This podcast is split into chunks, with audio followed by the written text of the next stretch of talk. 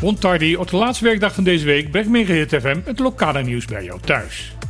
Ik ben Martijn Schmuller en dit zijn de onderwerpen van vandaag. In alle stilte is momenteel onder water een natuurramp aan de gang. Dat zegt marinebioloog Roxana Francisca van Stinagua in een artikel van Krivis Netwerk. Al een aantal maanden geleden werd er gemeld dat ook bij Bonaire de gevreesde koraalziekte Stony Coral Disease, ook wel skitteldier genoemd, is vastgesteld. Deze ziekte die ruim 10 jaar geleden voor het eerst voor de kust van Florida is geconstateerd, zorgt ervoor dat steenachtig koraal in het rif afsterft. Deze sterfte is in het besmet gebied meestal massaal. Er zijn gebieden bekend waar 80% van het steenachtig koraal niet meer in leven is. Ook rond Bonaire is de ziekte zich aan het verspreiden. Om die reden is in de meerdere gebieden niet meer toegestaan om te duiken. Toch moet er volgens de natuurbeschermers meer gedaan worden om het koraal te kunnen beschermen. Momenteel lijkt erop dat bestuurders en ondernemers vooral bezig zijn om ervoor te zorgen dat naar aanleiding van de ziekte zo min mogelijk toeristen hun reis naar Bonaire gaan afzeggen. Ook valt het op dat er vanuit Den Haag nog geen enkele reactie op deze milieucrisis is gekomen. Natuurbeschermers zeggen dat wanneer er niet snel iets gaat gebeuren, de belangrijkste toeristenattractie van Bonaire, het koraalrif, binnenkort voor een groot deel zal zijn verdwenen. In een brief aan het bestuurscollege vraagt de politieke partij M21 voor het nog steeds urgente vraagstuk rondom de loslopende honden op het eiland. Partij zegt in de brief dat er nog steeds mensen en dieren worden aangevallen door honden met agressief gedrag.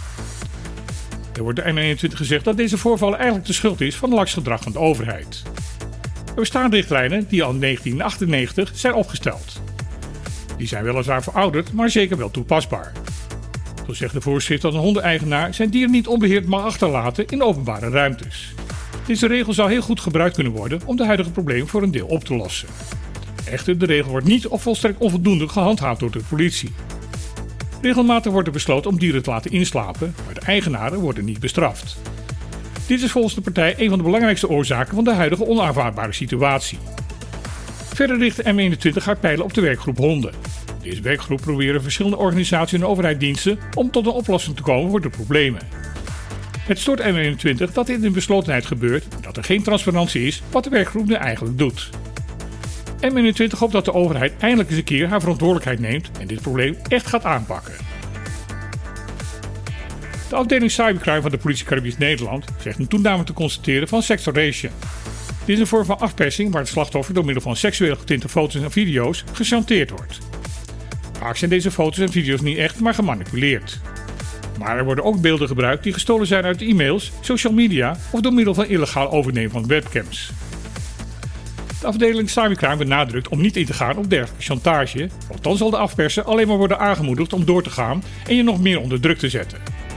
De politie raadt aan wanneer je dergelijke foto's en video's van jou online ziet, gelijk contact op te nemen met de beheerders van de betreffende site. Ook wordt aangeraden om voorzichtig te zijn met wie je bevriend bent op Facebook. Klik niet op onbekende linkjes en open geen bestanden van mensen die je niet goed kent. Het is ook een goed idee om je webcam van de computer en je mobiel zoveel mogelijk af te schermen.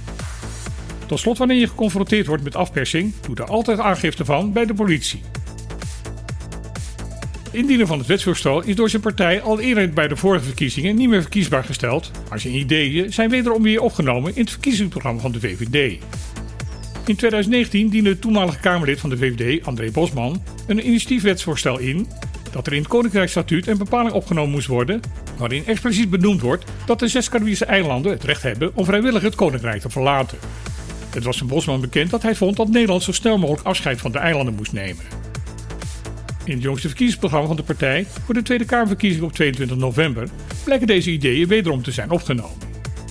Daarnaast is ook een ander idee van Bosman in het programma terug te vinden. Volgens de VVD moeten de vestigingsbeperkingen, die gelden voor Europees Nederlanders, wanneer ze willen emigreren naar een van de Caribische landen, ook gaan gelden voor de bewoners van die landen wanneer ze naar Europees Nederland willen verhuizen. Dit laatste idee is al eerder door de VVD in 2016 in de Tweede Kamer in stemming gebracht en toen met ruime meerderheid verworpen. Dit was weer het lokale nieuws van Megahit FM. Morgen op deze zender weer van 12 tot 2 op de klippen op deze zender. We zijn nog bezig met de samenstelling van de agenda voor het programma, maar het wordt zeker weer een mooie uitzending.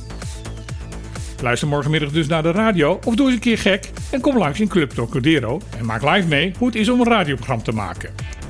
In elk geval wens ik iedereen een heel mooi en niet al te warm weekend toe en dan heel graag weer tot maandag.